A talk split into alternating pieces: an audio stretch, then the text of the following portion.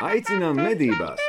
Sarunas par un ap medībām kopā ar Lindu Dombrovskiju un Oskaru Trēliņu. Čau! Garām!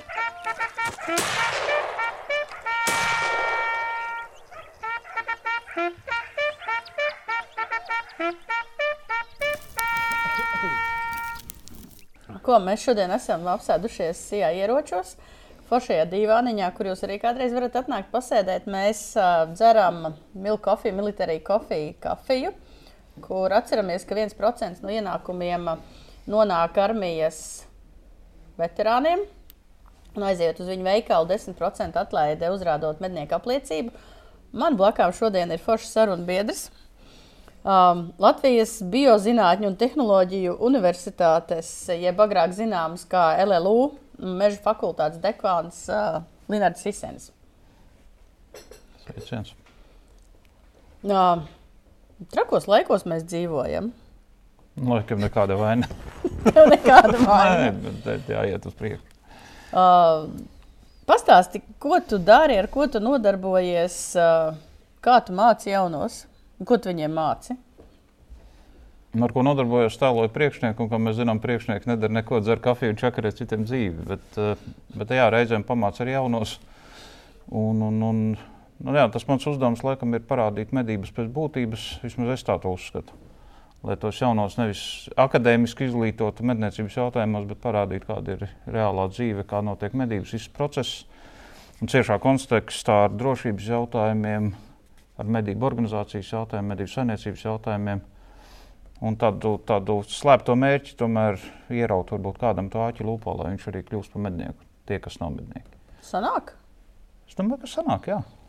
Cik jums ir meža fakultātē studentu? Studenti ir kā daudz, mēs esam otrā lielākā fakultāte, 600 pāri. Wow. Jā, jā, daudz ir. Un, un meža saimniecības blokā ir lielākā daļa. Jā, tā kā tuvu, tuvu. Es domāju, pat vairāk kā 400.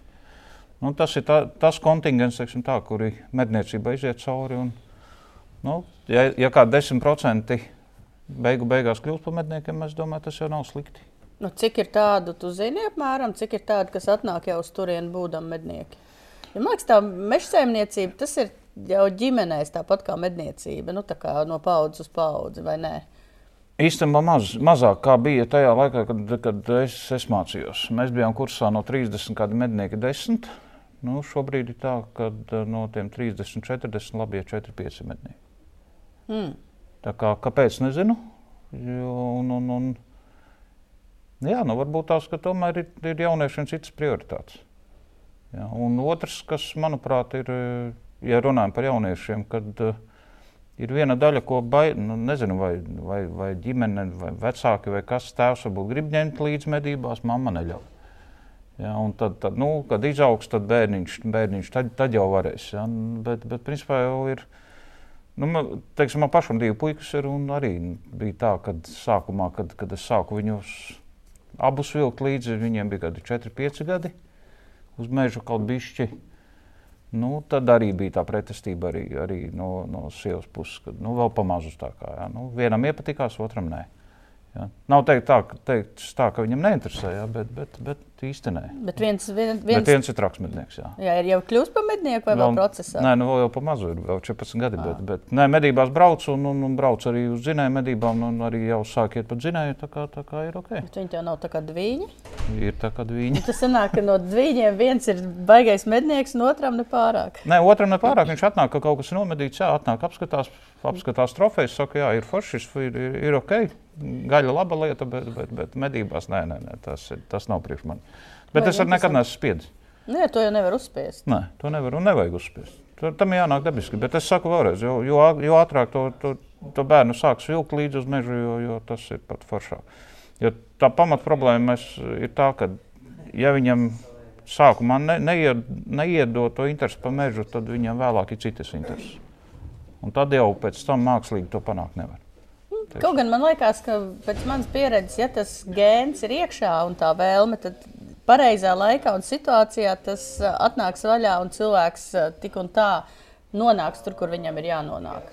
Ne, tas ir jebkurā jebkur jomā. Ir arī, teiksim, man pašam fakultātē ir cilvēki, kas ir mediķi un kas mācās tagad meža fakultātē. Nopietni. Ir, jā, pabeidz puisis.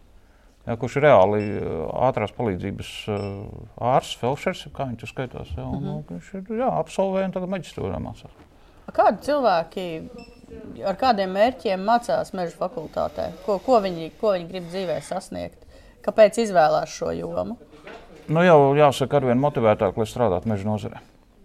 Jo meža nozare ir stabila nozare, nozare, kurā ir darbs, nozare, kura nodrošina arī karjeras izaugsmi. Hmm. Tā pašā laikā tas darbs ir daudzveidīgs. Tu vari strādāt oficiālā, tu vari skriet pa mežu, vari gan, gan. Teiksim, ir darbā nepārtraukta mainība, dinamika. Tas nav teiksim, kā, nezinu, citas nozares, ka tas teiksim, nu, nezinu, piemēram, atsvārsts. Ja? Nu, visu, visu dzīvi tu ārstē acis. Ja? ja tā, tā, nu, protams, kas, pilnīgi, kas, ir svarīgi, ka ir, kas ir svarīgi? Nē, nu, tas ir svarīgi, jā, bet nu, tur droši vien arī savu specifiku, kaut, kaut kāda dinamika varbūt ir, bet, bet mežā, mežā tā dinamika ir nu, visu laiku. Nu, tad mežs ir kaut kādā gada, gada laika griezumā. Ir, ir. Viss mainās, viss plūst. Nu, nu, daba ir daba. Bet nav jau tā, ka, piemēram, cilvēks, kas, kam mežs nepatīk, viņš neies uz meža fakultāti, ja tur arī tādi parādās. Nu, tāpēc, ka nu, tam mežam ir jāpatīk un jā, nav jābaidās. Nu, nedrīkst baidīties no ērcēm, ja tu gribi būt mežā. Es bijuši pārspīlēju, protams. Nē, nu, droši vien, ka ir, varbūt ir arī īsamā. Nē, protams, ir tā arī tāda, ka mamma, mamma vai teica, liek mācīties, viņš atnāk pamācās, aiziet prom. Bet ir arī tādi, zinu, arī tā, tādus jauniešus, kas atnāk sākumā tā kā negribot, ja, un tad viņam atkal, pat cik mēs arī strādājam pie tā, lai tas studiju process būtu interesants, ar, ar, ar vien vairāk liekam praktiskās lietas iekšā, un, un kad iepatīkās. Un viņš tiek pāri tam pirmam kursam un aiziet. Viņš saka, o, cik forši, ka es atnācu. Un, un, un, un, tā, un pabeidz un aiziet nozarē strādāt. Un, kā, nu, ir arī tādi, kas, kas atnāk, varbūt tās viņiem vecāki ir, ir mežonieki, viņš atnāk ar domu tādu, ka viņš savu dzīvi saistīs ar nozari, beigās, beigās nepatīk. Katram savs ceļš ceļam, ceļams, ejams. Katram, ejams. Sa, katram savs ceļš ejams. No smagums ceļams. smagums ceļams, pēc pauzes turpinam. Šā garām jaktei būt. Mums ir šī 156. epizode. Uh, Mums ir dažas svarīgas lietas, kas ir jāparāda. Mums ir uh, žurnāla medības abonēšanas laiks. Uh, atgādinu, ka šogad ir foršs piedāvājums 12 numuri plus 3 pielikumi, plus jūs dabūjat dāvanā kalendāru un var piedalīties loterijā no SIA ieročiem. Uh, es lasīju jauno numuru. Es saprotu. Ieroči aizmirsu pateikt. Dāvanā. Tā nav? Loterijā, jā, dāvanā. Jā. Jā. Jā, jā loterijā ir no SIA ieročiem ierocis. ierocis jā, no SIA ieročiem ierocis būs loterijā.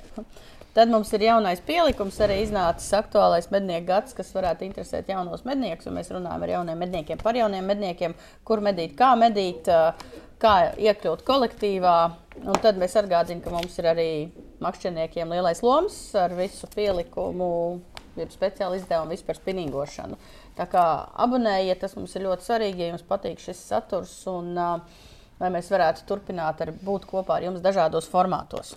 Žurnāls medības vienīgais tikai medniekiem. Ik mēnesi par ekipējumu, trofejām, likumiem, jo medības tas ir mūsu dzīvesveids. Abonē žurnālu medības 2023. gadam, saņem mednieku kalendāru dāvanā un vari laimēt jaunu karabīni no veikala ieroči. Ieklausies, laba dāvana medniekam! Žurnāls medības. Iesakām izdevīgāk abonēt komplektā ar trim pielikumiem. Abonē pastā vai Latvijas mēdī.lv. Loterijas atļaujas numurs 7451. Uh, viens jautājums uh, tev, Linārda. Uh, problēma, ko daudzi mums daudzi saka, ir, ka jaunie mednieki, ja tev nav, ja tu neesi iepriecējies, ja tev nav radinieki vai vēl kaut kā iekļūt kādā mednieku kolektīvā, ir šausmīgi sarežģīti un grūti. Kāds tev ir novērojams vai risinājums piedāvājams šajā jautājumā? Par piedāvājumu nezinu, droši vien, bet tā ir tā, ir tā taisnība. Varētu būt, ka zināmā mērā ir taisnība. Jo nu, kolektīvi, mednieku kolektīvi ir, ir diezgan noslēgta vide. Un arī manā kolektīvā mums arī tas pats, kad mēs, mēs ņemam tik, kolektīvā tikai teiksim, mednieku dēlus, nu, ģimenes locekļus principā. Un arī ir tas, tāpat ir statūtos atrunājuši, kad ir, ir pārbaudas laiks. Un, un, un, un arī, teiksim, protams, pastāv iespēja, ka cilvēks arī nu, no malas var tikt iekšā kolektīvā, ja, bet, bet nu, tad ir sevi jāpierāda. Ko tas nozīmē? Daudz nesaprot, ko tas nozīmē sev pierādīt. Ir jāpiedalās medībās, biotehniskos darbos, jo mēs arī, arī kolektīvā regulāri torņus būvējam, tāpat tās mastus sagatavojam un, un šīs lietas, teiksim, arī tās pašas bebru medības, ja, visi šie darbi. Nu, tad, kad, kad, kad veči saprot, ka tas kandidāts ir, ir ok, nu, tad, tad droši vien, kad, kad, jā, nu, tad arī viņu pastāv iespēja, ka uzņems tajā kolektīvā. Nu, arī es pats šajā kolektīvā, kurā šobrīd medīju, tas arī ir principā vienīgais praktiski kolektīvs. Nu, jau es esmu valdē, gan jāsaka, bet, bet es arī, kamēr tika uzņemts. Statusā, biedra, kandidāta statusā bija desmit gadi. Desmit gadus? Jā, mierīgi. Un, Tad tu nevarēji sev pierādīt desmit gadus. Nē, nu īstenībā jau bija tā, ka kolektīvā, bet nu, ne, nebija teiksim, tā uzņemšana nu, līdz galam tā kā sakārtots. Jā, bet, bet arī es arī neuzspiedu, un, un, un kad, kad, kad nonāca līdz tam brīdim, kad viņš saka, vai tev beidzot jākļūst par biedru, tad es arī kļuvu par biedru un principā tā pašā sapulcē arī par valdes locekli. bet, bet, okay, jā. Uh, bet, uh, nu, jā, un, uh, nu, kā, no, kā nonākt līdz tam, lai tevi uzņemtu kolektīvā? Nu, jāpierāda, sev var pierādīt ar darbiem nevis tukšu mūldēšanu. Tā, tā ir realitāte. Bet ir jau tādi arī gadījumi bijuši, ka, piemēram, tur iet un cilvēks brauc un jauc dambjus un būvē torņus. Un tad, kad viņš saka, uzņemsiet man kolektīvā, viņš saka, nē, paldies, vairs nevajag jūsu pakalpojumus. Nu, manuprāt, tas ir kaut kā arī mazliet nepareizi. Tas ir nezolīdi. Tas ir nezolīdi no kolektīva puses. Nu, tad pasakiet skaidri, ja, kad, kad neceri, neņemsim. Ja, un, un, un, ja tā ir vairāk tāda izmantošana manā skatījumā. Ja, Bet kopumā, jā, nu, bet tas, ko es esmu daudz dzirdējis, kad ir, ir kolektīvi novecojies. Ja, un, un uh, ir daudz, nu, cik, es saku, man tas nav aktuāli, jo, jo es arī īpaši, nu, man pietiek ar, ar tām, teiksim, medību iespējām, kas man ir. Es arī ļoti reti, kad arī ciemos vairs aizbraucu, bet, bet īstenībā ir tā, ka, nu, arī tas asums ir godīgi sakot pāri. Ja, bet uh, cik te paklausās, ko, ko runā riņķi apkārt, veči, jā, nu, kad, kad mums nu, trūkst jauno, trūkst jauno. Jā. Nu, tā kā kāds jaunais atbrauc, tad uh, it kā negrib ņemt vai kā? Nezinu, grūti pateikt. Jā. Kā ir patiesībā? Jā, nu... jā nu, tu saki, ka kolektīvi noveco. Bet kā tad tiem jaunajiem satikties ar tiem novecojušiem kolektīviem? Vai nav tā, ka tie vecie pateiks, ka mums tomēr to jauno no malas rīdzinieku nevajag? Jā, nu es pieļauju, ka tiem rīzniekiem ir tas trakākais. Ja, kamēr, kamēr viņš tiek, pirmkārt, eh, nu, droši vien, ka tiem jauniem vienai daļai nav pieredzes. A, a, kā tu to pieredzi? Nē, nu, jā, jā nu, tas ir no, no, tas noslēgtais. Nav, pie, nav pieredzes, tu neties kolektīvā. Un, un, un, bet, bet uh, un otrs ir droši vien, ka nav, nu, teiksim, arī bieži vien ir tā problēma tik līdz tam mežam, tiem jaunajiem. Ja, nu, vēl kas ir, jā, kas atgrūž, manuprāt, atgrūž. Ja, kad tie jaunie no kā atkal savukārt baidās, manuprāt, kas no tās kolektīva puses, teiksim, iesa, tāda piesardzība ieslēdzās, kad, kad šie jaunie bieži vien ir, ir, ir tādi ļoti pašpārliecināti. Jā, ka viņš atnāk, nu, es te visu protu, visu māku, es te beigās esmu džigits. Jā, nu, tas saka, nu, labi, labi, ka tas ir džigits, brauc savu Rīgā apakaļ. Un, jā, es esmu džigits Rīgā, bet, bet pie mums laukos te, te, te, teiksim, ne, nu, nebūs. Uh, Tā kā, nu, droši vien tā patiesība ir kaut kur pa vidu. Ja tu esi, no, nu, teiksim, esi normāls čalis un esi gatavs iesaistīties kolektīvu darbā, darbībās visās. Un... Čalēna jau arī noteikti. Kas tā? Ne jau tikai čalis, čalēns jau arī. No čalēns arī, protams, jā, jā, nu, čalēns viennozīmīgi, ar vien vairāk arī tās čalēns ir. Jā, tad, tad, tad droši vien, kad, kad beigās jau uzņemtajos kolektīvos. Bet, nu. Un otrs jau ir, jā, nu, kad, kad tas, tā gan ir, manuprāt, varētu būt problēma jauniešiem, kad jaunieši grib, nu, teiksim tā, viņš negrib medīt, viņš grib šaut. Nu, viņam ir, ir, ir... Pasaki, ka tā nebija, kad tu biji jauns. Jā, bet es jau redzēju, būsim reāli. Es sāku medīt, jau man bija kaut kāda, sāku vāzāties līdz, teiksim, tēvam kaut kāds 11, 12 gados. Jā. Un es līdz tiem 18, kamēr, kamēr teiksim, oficiāli eksāmenis noliks 16 gados, bet, nu, protams, oficiāli sāk medīt 18. Nu, līdz tam brīdim teiksim, jau, jau bija, bija, bija, protams, putni pamedīti. Kaut gan pirmo divu medījumu es nomedīju, tad, kad tas oficiāli medījums bija 18 gados. Jā, kā, bet es jau biju tajā visā procesā iekšā. Jā, nu, un, nu, jā, nu, nezinu. Jā, tā kā, bet, grūti pateikt, kā, kā var tikt tajos kolektīvos. Nu, nav jau tā, ka kad, kad galīgi ir. Nu, neņem viens kolektīvs, gan jau ir kāds, kas, kas ņem. Nu. Tā kaut kā. Jā, tā varētu būt. Gan uh, par to, ka tu līdz 18 kaut ko nomedīji, tas bija citi laiki un citi tikumi. Tagad mums ir eh, ļoti stingra kārtība, kas nosaka, ka no, jā, jānokārto mednieku eksāmenis, un tad no 16 gadiem, saņemot policijas atļauju, var to darīt uh, likumīgā veidā. Nu jā, tie bija, tie bija 90. gadu beigas, jāsaka. Jā. Nu, jā, mums tas vienkārši jāpasaka, tāpēc, ka tad bija bijuši citi laiki, un lai nav tā, ka tagad mūsdienās izdomā, ka. Nē, to nedrīkst darīt, protams, bet, bet ir labi, ka ir īstenībā sakārtot tā iespēja, ka to legāli var darīt no 16 gadiem. Jau teiksim, pieaugušu mednieku pavadībā, teiksim, un tas ir tikai forši. Jā, man jāsaka, man tā iespēja bija arī bijusi savādāk, jo es arī kādus trīs gadus strādāju dabas muzejā skolas laikā pie, pie Rēdera valda. Un, Un tad jau arī tā aura, tad, teiksim, arī tur es tiku teiksim, ņemts līdzi arī kaut kādās ekspedīcijās, un, un, un tāpat tās likām lamatas, un tā arī bija zināma pieredze. Un, un, un, un viss tas bija. Nu, tie bija forši laiki, jā, bet nu, tādi laiki vairs teiksim, nebūs. Un 90. gadi, 90. gadi, 90. gadi leģendāri. Tie ir leģendāri, jā. Nu ko? Lādē iekšā! Tagad parunāsim mazliet par aktuālām lietām. Mums ir nu, patās um, pieņemti noteikumi, ko šausmīgi dīvainā veidā izbīdīja cauri zemkopības ministrija par to, ka tiek celtas uh, nodevas uh, par eksāmeniem, par sezonas kartēm, kas nebūtu tas trakākais, jo 30 eiro gadā par sezonas karti nu, tas nav tik šausmīgi, bet tad ir tās cenas paceltas. Uh, par medību atļaujām. Un, ja no Alnim Stalbriedim iepriekš bija Eiro, eiro 43. 43 vai 42, jā, tad tagad ir buļļiem 15 eiro un goviem teļiem 7,50, lai gan neviens īsti nesaprot, ko nozīmē tas, tā frāze par visa vecuma un dzimuma aļņu, aļņu buļļi. Tas ir kaut kā mistiski uzrakstīts. Kā tu vērtē šos uh, noteikumus, šīs cenas? Kaut gan saka, ka tā ir kompensācija par uh, to, ka meža cūka un stirni ir tagad nelimitētais un patļaujām nav jāmaksā.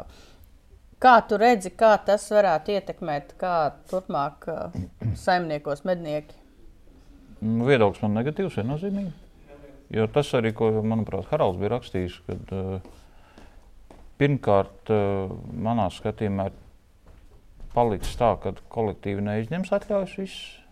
Ja, teiksim, ņems eh, tik, cik, cik, tik, cik plāno nomedīt. Uh, otrs ir negatīvais, kad, nu, piemēram, ja kaut vai tie ir tie paši 750 par atļauju, ja, te, uh, ja kolektīvam 100 brieži jānomedī. Nu, ja tad, jebkurā gadījumā kolektīvam teiksim, šī te 750 eiro kaut vai par 100 briežiem, tā ir gana uh, Nu, ja tur vēl nāk buļļi klāt, nu, tas ir tāpat tūkstošiem, ja, tāpat tas ir liela nauda. Jā, un otrs, eh, tas nemotivēs jau tagad ir daudziet ir problēmas ar limitu atšaušanu. Jā.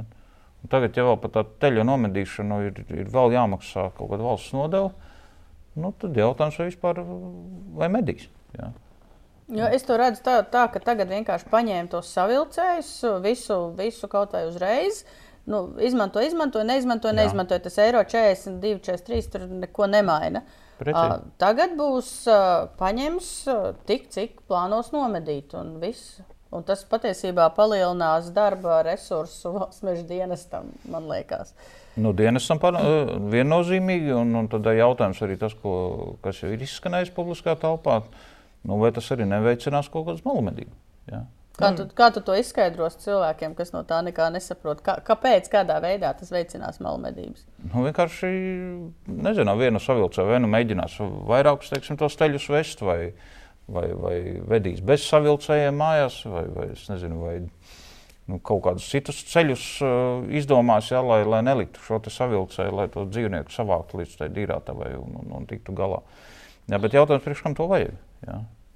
Par to ir jautājums. Ja? Un vēl jau vairāk, kad eh, tā pašā laikā meža apsaimniekotāji arvien vairāk uzsver to, ka briežu, briežu skaits ir pa lielu. Daudz vietā, es nesaku visur, ja, ka skaits ir jāsamazina. Nu, tad, tad, eh, manuprāt, valstī būtu jānāk pretī un jāveicina, teiksim, lai, lai mednieki būtu ieinteresēti medīt. Ja. Nevis, nevis uh, tagad medīt tik, cik, tik, cik ir, teiksim, var atļauties tos pašus saulvilcējus nopirkt, nu, teiksim, izņemt vai nopirkt. Ja. Tā kā nezinu, nu, vai tiešām mednieks ir tas, tā grupa, teiksim, uz ko ir vēl, mēs tāpat taču maksājam nodokļus. Ja? Viss, viss tāpat tās aprīkojums, viss, viss tas maksā, tāpat ir medību process gana dārgs iznāk. Ja?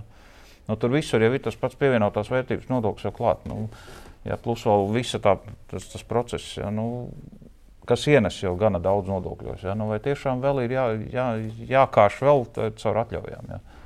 Nu, tas budžeta baigi piepildīs, es domāju, ka nē.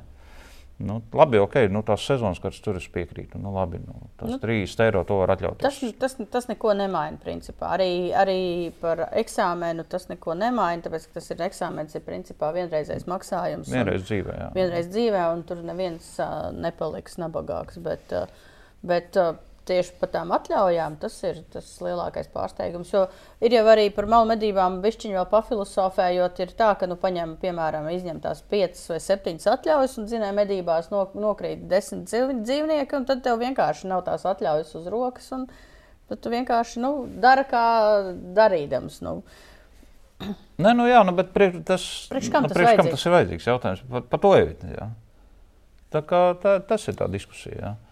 Nu, tāpat kā es vienmēr esmu, teiksim, nekad neesmu sapratis, ja, to, ko īsti nevar pa, pamatot. Ja, tāpat tās, piemēram, ja medija ar, ar, ar, ar, ar to pašu naktas tēmekli, ja, teiksim, priekš kam ir vajadzīgs pārskats. Ja. Nu, priekš kam? Ja. Kā šīs papīra lapiņa ietekmē medību drošību? Ja. Kā, Nu, mēs, tāpēc, kā mēs redzam, pat gaidas medībās ir, ir letāli gadījumi. Ja. Ja. Nu, un, un tad, tad rodas jautājums. Ja. Tāpat laikā, tad, tad, ja, ja jau teiksim, likumdevējs tā rūpējas par mednieku drošību, ja, tad, tad ok, ja jums tā rūp tā mednieku drošība, ja, nu, tad, tad pieņemiet, teiksim, piemēram, normatīvu aktu, kas pasaka, nepārprotami pasaka, ka med, dzinēja medību laikā, teiksim, medījot vīču to brīrots, medniekam jāatrodas medību turnītī.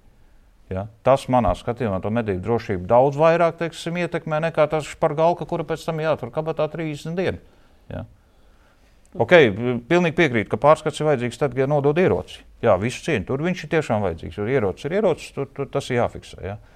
Bet, bet šitās, tas, ka tev ir lukturīts pie, pie, pie ieroča vai na- naktas tēma, kas sēžot turnī vai nav, ja, ja tu tā ziepes sataisīsi, ja, tad, tad, tad nu, tāpat tās, tā, tev tā papīrīša nebūs, tu vispār tur bijis nebūs. Es Ja. to drīzāk redzu tā kā viens iemesls, lai kontrolētu to, ko mednieki dara, vai lai uzrakstītu vēl vienu uh, proko- protokoliņu, kā viņi saka. Jo sanāk, tu tā schizofrēniski pats sev pārliecini par to, ka tu uzraksti, ka tu tomēr medīsi meža cūks, nevis briežus ar naktas redzamības tēmēm, un tad tu sēdi turnī un ar sevi sarunājies. Nē, tu medīsi meža cūks, vai tu medīsi briežus. Nē, man ir uzrakstīts, ka es medīšu meža cūks. No, apmēram šitādā Bet tas ir, uzra, tas ir uzrakstīts medību noteikumā. Nu, jā, protams. Viss, protams, nu, nu, tad, protams. Tad, tad, lai kāds man izskaidro, es piekrītu, ka es es esmu tāds, ka, nu, ka man varbūt tās tā domāšana nav pareizā virzienā. Jā, bet, bet kā, kāpēc? Ko tā, kā ietekmē mediju drošību šī par galka? Ne, nu, nekā neietekmē manā skatījumā, bet varbūt, kad ir dziļa doma tam apakšā. Bet, nu, jā, nu, tas tā. Lēnām virzoties uz nākamo tēmu par drošību, mēs par turnīšiem patiesībā divas epizodes diskutējām. Par to, ka ir situācijas, kad tie turnīši rada cilvēkiem ā, viltus drošības izpratni. Jo mums bija gadījums, kad dzinēja medībās bija mednieki turnīšos, starp turnīšiem iznāca Alnis. Un viens mednieks šāva tieši pa mednieku līniju, sanāca nu, starp, uz alni, kas atrodas starp viņu un otru mednieku. Un viņa arguments bija tāds, ka "Bet es taču šāvu uz leju. Un tad sanāk tā, ka cilvēkiem, kas atrodas uh, turnīšos, pēkšņi radās ilūzija, ka viņš var raidīt šāvienu jebkurā virzienā, tāpēc, ka viņš atrodas turnī un šāviens ir uz leju.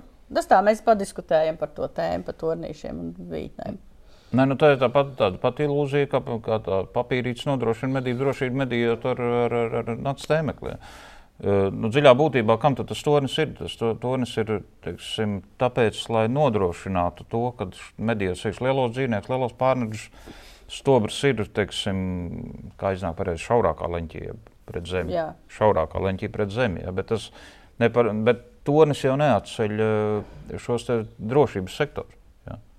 Tas ir jāsaprot. Ja. Un, un, un, nu, tur pat nav izskaidrojumi. Nu, teiksim, ilūzija, ilūzija, bet nu, tāpat kā ir pateikts, ja, ka tu nedrīkst šaut pa mednieku līniju. Kas, kas tiek traktēts kā šāviens pa mednieku līniju? Uh, un leņķis pret zemi viņš ir šaurāks vai platāks, tas jau ne, nemaina to attālumu, kādā lādiņš iet garām medniekam. Vai nedod Dievs pa, pa mednieku. Ja. Tā kā, nu, nu nezinu, tie torņi, torņi, torņi viennozīmīgi drošību tikai un vienīgi paaugstina, ja, bet tas, tas ne, nerada privilēģijas šaut pa mednieku līniju. Ja, tā kā nu, to ir, ir nu, tas jāpieņem kā fakts, ka pa mednieku līniju šaut nedrīkst no viss. Nu. Ja, tā kā Es pat nezinu, kā savādāk izskaidrot visu stāstu. Pēc pauzes turpinam. Nu ko? Lādē iekšā! Mēs šodien runājam ar Meža fakultātes dekānu Linārdu Siseni, kurš ir pats traks mednieks. Šis rudenis ir pilns ar nereāli daudz sliktām ziņām. Tad sašauja, tad jau četri gadījumi, kad cūka ir cilvēku saplēsus medībās. Tad nositās ar kvadrciklu, tad vēl visādas mistiskas lietas notiek. Kāds tavs skatījums? Kāpēc tādas lietas notiek pēdējā laikā? Tīpaši pēdējos gados to nelaimes, letālo nelaimes gadījumu skaits ir vienkārši vaiprātīgi pieaudzis. Pašpārliecinātība tikai un vienīgi. Pašpārliecinātība pirmkārt, otrkārt ir elementāra drošības prasība neievērošana.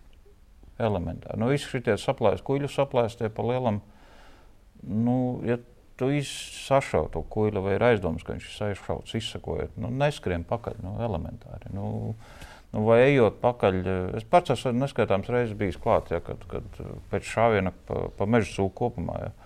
Mednieki ļoti vieglprātīgi vienkārši ah, jāiet paskatīties. Ja. Arī tās pašās gaidas medībās izsēdē. Bet, bet nu, nu, tas ir rentās reizes ir apspriests, rakstīts un zināms, ka, ka, ka šis dzīvnieks savainots ir bīstams. Nu, Jā, tā kā bišķi, smadzenes vajag pieslēgt, neko vairāk. Jā, tas pats ir arī, arī medībās ar šaušanu. Jā. Elementāri tas, ko jau runājam par tiem pašiem leņķiem. Jā. Nu, ne par velti mēs arī tās pašās mācību medībās vienmēr saku, tajā brīdī, kad tu nostājies uz mastē, jā, nu, izvērtē, pirms, pirms tas masas sācies, izvērtē, kur drīkst šaut, kur nedrīkst šaut. Izvērtē attālumus, jā, jo tur laika pietiek. Tas prasa minūti, divas, piecas ja, nu, kādas piecas minūtes. Ja, un tajā brīdī, tad, tajā brīdī, kad tas dzīvnieks nāk vai pārvietojas, nu, tev jau principā ir skaidrs, kas ir kas. Ja. Nu, tad tajās pašās teiksim, mednieku līnijas, kur šīs laustās mednieku līnijas, ja, līkumi. Jā, nu, nes, ne, neesi slinks. Es, es pats arī vienmēr, teiksim, arī vadot medības. Jā, ja ir, nu, mums gan tie masti sagatavoti, jā, bet, bet ja ir šīs laustās līnijas, noliekot to mednieku, kas ir pirms līkuma, Paaicinu viņu līdzi, saku, atnāc apsties, lai tu redzi, kur ir otrs mednieks aizlīgums. Lai abi divi saprotu, kur drīkst šaut, kur nedrīkst šaut. Ja. Nu, zinām, mēr, zināmā mērā tā atbildība varbūt ir arī medību vadītājiem. Ja. Nu, varbūt bie, bieži vien liekas, nu, ko, ko tur muti dzēsēs, ja, arī medību vadītājs. Nu, viss taču visiem ir skaidrs, sevišķi, ja tas kolektīvs medītājās platībās gadu no gada. Ja tad it kā vīriem vajadzētu būt skaidrai situācijai. Bet bieži vien tad, tā, tas, tas liek, liekas, liekas instrukcijas, liek, liekas piezīmes ir, ir varbūt izglābt kādam dzīvību. No otrs, jā, no otrs ir pašiem medniekiem. Jā, nu, pirms tā šāviena izdarīšanas jābūt simtprocentīgai pārliecībai. Var vai nevar. Un, un, un tad, tad, tad, tad droši vien, kad varbūt kādreiz ir lieku reizi, varbūt ir, nu, nevajag izšaut, un tad būs labi. Nu jā, tas pats ir arī, paldies Dievam, ir pieņemti šie oranžu elementi, jeb spilgtas krāsas elementi, kas nu jau, nu jau vīriem ir, ir, ir, visi ir pieraduši, ka tā jau ir norma, jā, tagad sāk pat oranžās jakas vilkt. Ja, un, un tas nerada nekādas problēmas. Tik medī tikpat veiksmīgi kā, kā iepriekš, tikai daudz drošāk.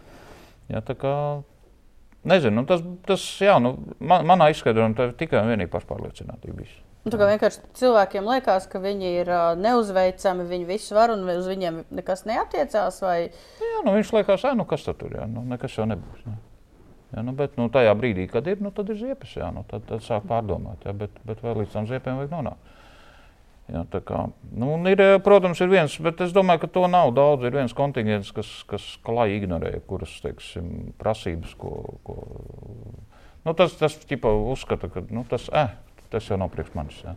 Es varu. Nu, nu, nu, jā, nu, ir, ir kas var visu dzīvi, ir, ir kam tas varēšana beidzās. Beidzās kādreiz ar, ar, ar, ar to, ko beidzās. Nu, tad, tad, jā, nu, tad, tad izrādās, ka tomēr nevar. Jā, nu. Tā kā, tā kā nezinu. Jā, tā kā, bet tādā ziņā man liekas, vis, visbīstamākie ir, ir, ir teiksim, tie. Nu, gan jāatzīst, jā, tas, kā varbūt kā man nu, baigi nepatīk. Jā. Pašam arī, protams, cik es gana, gana daudz esmu medījis, kad, kad ir tas uzskats, ka pieredzējušie mednieki. Nu, tas ir tas pats stāsts, jā, kas par galvniekiem. Jā, kad pirkstus nenozāģē iesācējs, pirkstus apzāģē parasti profesionāļi. Jā, nu, tas pats ir medībās. Ja, kad, kad tā pašpārliecinātība radās divo, divos gadījumos, manā skatījumā. Ja, kad, kad viens, variant, viens ir šie pieredzes bagātie mednieki, kas ir gana daudz medījuši, un tad ir kaut kāda rutīna, ja, kad liekas, ka nu, ir jau labi. Nu, vēl bīstamāks kontingents manā skatījumā, bet tas, tas protams, nav jāuzsver kādam personīgi. Ir, ir tie cilvēki, kas sāk medīt jau kaut kādā dzīves un karjeras briedumā. Ja, nu, ķipa tiem, kam, kam tās medības ir, ir kā, nu, ama, amats prasa vai kā savādāk. Ja, jo parasti šie cilvēki ir tādi, kas, kas 40, 50 gados viņš nokārto, pēkšņi kļūst par mednieku, masko sajās no dabas. Ja, nu, un, un pat cik viņš teiksim, ikdienā, karjerā viņš ir vadītājs parasti, nu, vai augsta līmeņa vadītājs, ja, nu, kā, kas ir pieredzis, kad, kad nu, visi viņam teiksim, ir pakļauti. Ja. Nu, tad viņš uzskata, ka medībās ar tā notiek. Ja. Nu, tad, nu, viņam ne, neeksistē ne tāda medību vadītāja rīkojuma, jo viņš ir boss. Ja. Nu, plus arī bieži vien šis kontingents arī, arī ignorē šīs drošības prasības. Ja, var, nu, teiksim, nezinu, vai viņi viņas nezina, vai, vai vienkārši ignorē. Ja, nu, tad arī, nu, kad sanāk tā ziepes, tas sanāk. Ja, teiksim, tā kā, Ne, protams, arī pretējs. Ja, kad, kad ir zinu, arī, arī teiksim, cilvēks, kas ir sākuši relatīvi 40, 50 gados medīt, teiksim, bet, bet viņš ar šausmīgu pietāti teiksim, izturās pret visu. Nu, tur ir kaut, tie ir atkal tie pozitīvie stāsti pretēji. Nu, tā ir. Mums tūlīt Skype Oskars pievienosies. Nu ko? Lādē iekšā! Mums ir Oskars pieslēdzies, jei! Superīgi, bet mēs, mēs, mēs sākām runāt par to, ka uh, jā, par drošību medībās, un uh, mēs nonācām pie secinājuma, ka kas ir galvenais iemesls, kāpēc pēdējā laikā tik daudz nelaimes gadījumu ir, un Linārda viedoklis bija par to, ka cilvēku pašpārliecinātība un ka pieredzējušie ir tāpatās kā ar galvnieki, ka jaunie galvnieki sev pirkstus negriež, bet tikai pieredzējušie. Uh, ceļiem no kalniecības. Ja? Kaut kas tāds - ja? Nē, nu jā, droši vien. Nē, tas, tas ir tas, par ko mēs esam daudz arī runājuši īstenībā, kā tieši tā arī aptuveni tas arī notiek. Otrs ir, man liekas, es nezinu, šis gads ir diezgan, šis, šie pēdējie divi, trīs gadi ir īstenībā pārpilni, pārbagāti ar dažādiem notikumiem, kas, manuprāt, cilvēku dzīvē, dzīvēs ir iegājuši ar ļoti lielām izmaiņām nu, tādā ikdienas rutīnā un ikdienas kaut kādās darbībās un vēl kaut kur. Manuprāt, arī tas atstāja nelielu tomēr, ietekmi uz uzvedību, uz tādu psiholoģisko stāvokli. Principā. Ir cilvēki, kuriem nepatīk, teiksim, ka viņiem tagad pēkšņi Covid laikā jāsēž mājās. Ja? Viņš tā nav pieredzējis, viņš ir pieredzējis būt projām un kas, un tad viņš aizbrauc uz medībām, atpūsties vai vēl kaut ko. A te pēkšņi visu laiku tā ģimene, kas tur ir stress, nervi, kas nu, kaut kas tāds. Ja? Tagad vēl kara apstākļi, jā, karš Ukrainā, atkal kaut kas savādāk, cenas ceļās, viss iet uz augšu. Piši nervi, cilvēki domā, tagad kā ko pirkt, kas ko notiek. Nu, tas tā kā uz ielām mēs redzam, tagad mēneša beigas, praktiski visi rēķini ir nomaksāti, ja mašīnu nav. Mm, sastrēgumu nav. Vienkārši vēl tukšu Rīgu. Vienkārši. Nu, tas tā, jā.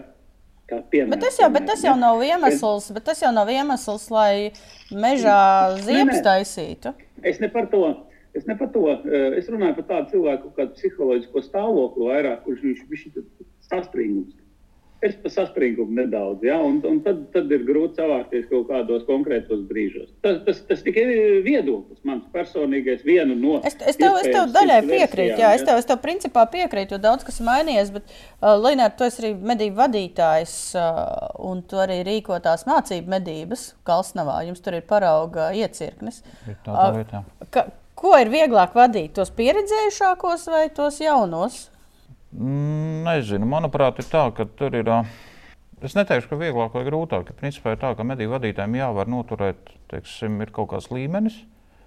Jā, ir jāizvirza prasības, teiksim, un augsts. Tā latiņa jāuzliek augsts, vienkārši ir, ir nedrīkst atkāpties. Vienalga, kas tev ir medībās, ja, teiksim, ja tu esi mediju vadītājs, tad, tad nu, tas ir tas, ko īstenībā var panākt to disciplīnu manā, manā skatījumā. Kad vienalga, kurš tās ziepes ir savārījis, nu, ne, neiet runa jau par kaut kādiem, nezinu, kaut kādiem jau nelēmas gadījumiem vai, vai konkrēti no nu, reāliem pārkāpumiem. Ja? Bet nu, elementāri kaut vai. Ja cilvēks aiziet no numura, teiksim, nu, mazs ir beidzies, ja, bet man ir noteikums, jau teiksim, ir pateikts, ja no rīta tiek pateikts, ka, kad tas cilvēks, kurš uz masta tevi noliks, tevi no masta noņem. Ja. Nu, stāvi, ja kā, kamēr sasalst. Stāvi, kamēr sasalst, vienalga, teiksim, un, un tātad, ja, ja tu esi aizvilcies prom, teiksim, nu, ir bijuši tādi gadījumi, ja. nu, tad pēc tam šo jautājumu līnijā pārunā. Ja. Nu, kas, kas notiek ar to cilvēku? Nē, nekas nenotiek. Es vienkārši publiski viņam pajautāju. Nu, viņš, viņš, viņš, viņš zina, kurš ir medību vadītājs. Jā. Mēģina noskaidrot. Ja? Nu, viņš tomēr atzīst, ka viņš zina, kas ir medību vadītājs. Nu, viņš atcerās to, ko viņam teica no rīta. Nu, viņš atcerās. Nu, nu, tad jautājums, kāpēc tu aizgāji? Ja? Nu, tāpēc, ka tur kāds ir gājis garām, piemēram. Ja? Nu, es viņam vēlreiz paprasu, vai tev gāja, teiksim, medību vadītājs. Noņēma, nenoņēma. Nu, tad, nu, protams, nu, šim konkrētam cilvēkam nu, tas, tas varbūt nav tajā brīdī patīkami. Ja? Bet, Bet, jebkurā gadījumā, tie pārējie ir aizdomājušies. Ja, kad, kad, nu, jā, nu, tad, tad beig, beigās jau atzīs, jā, ka ir, ir forši, ka tas medībās ir tā kārtībā. Ja, tas arī, zināmā mērā, arī disciplinē. Ja, tāpat tās, kas ir varbūt tās nemazāk būtiskas manā skatījumā, varbūt tā kā liekas baigā rutīna, ir ceļš, ja tās ir nu, ikdienas kolektīva medības. Bet pēc katra masta tā tad nostādīt ierindu gan zinējus, tā skaitā, gan arī medniekus. Ja, un, palūgt katram izstāstīt, ko viņš šajā mastā redzējis. Ah, jā, jā, tas ir pie jums, tas ir pie jums ļoti izteikti. Jā, nu, tas ir forši. Un, un principā pilnīgi visiem tiek dots vārds, pilnīgi visiem medību dalībniekiem, ieskaitot zinējus. Jā, un izanalizēts arī situācijas, lūdzot atbildēt mednieku, kāpēc viņš nav šāvis. Jā. Tātad, nu, piemēram, nu, teiksim, medījuma stirnas. Ja? Nu, viņš saka, man uznāca stirna, ja? nu, es nešauju. Kāpēc? Ja? Un, uh, tas īstenībā, tad, kad tas mednieks pasakā, ka viņš nav šāvis, tāpēc, ka nav bijis drošs leņķis, vai tur krūmi, vai tur zāle, vai nu, kādas citas, nu, respektīvi, šos objektīvos apstākļus, kas viņam tajā brīdī ir lieguši izdarīt šo drošo šāvienu, tad uh, pārējie mednieki aizdomājas. Ja. Un, es ticu tam, ka aizdomājas, jā, nu, redz, ka viņi. Bet, uh, un, un, jo bieži vien tā, tā ir atkal problēma, manuprāt, daudzos kolektīvos, ja, kad uh, medniekiem pārmet, ka viņi nešauj. Jā, jā, tā ir fakts. Jā. Tas ir fakts. Ko mēs te dzenam, un, un to tu te nešāvi, ja, kas tur losis. Ja, ja, tu, un, un ar to jau sākās. Ja, un tad, tad medniekam liekas, ka viņam jāizšauj pa visu varu. Bet, ja viņam, es, es vienmēr, kā medību vadītājs, es vienmēr pasaku paldies par izturētību, paldies, ka nav šie nedrošie šāvieni, ka nav nepārliecinošie šāvieni, ka nav šīs asinspēdas. Ja, tad, un tad, tad, tad cilvēks jau jūtas, ka ir, ir ok, jā, es izdarīju pareizi. Ja. Un, un bieži vien tas atzinība tajā brīdī, tajā brīdī kad tu neesi šāvis, ja, un tev pasaka par to, par to paldies, ja, tad, tad nevis saka, o, tu esi tāds un šitāds. Ja. Un tas, es domāju, arī, teiksim, zināmā mērā to drošību arī, arī ietekmē tajā visā stāstā. Jā. Nu, un arī dzinēji to dzird, jā. Nu.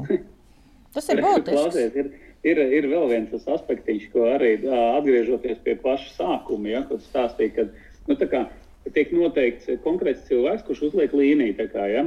Es esmu bijis medībās, kur ir bijusi sekoša situācija, kur tas cilvēks arī noņem to līniju, bet viņš nav saskaņojis viņu ar medību vadītāju, kurš, kurš atkal ir plānojis, piemēram, ka vajadzētu medniekiem dzīt atpakaļ.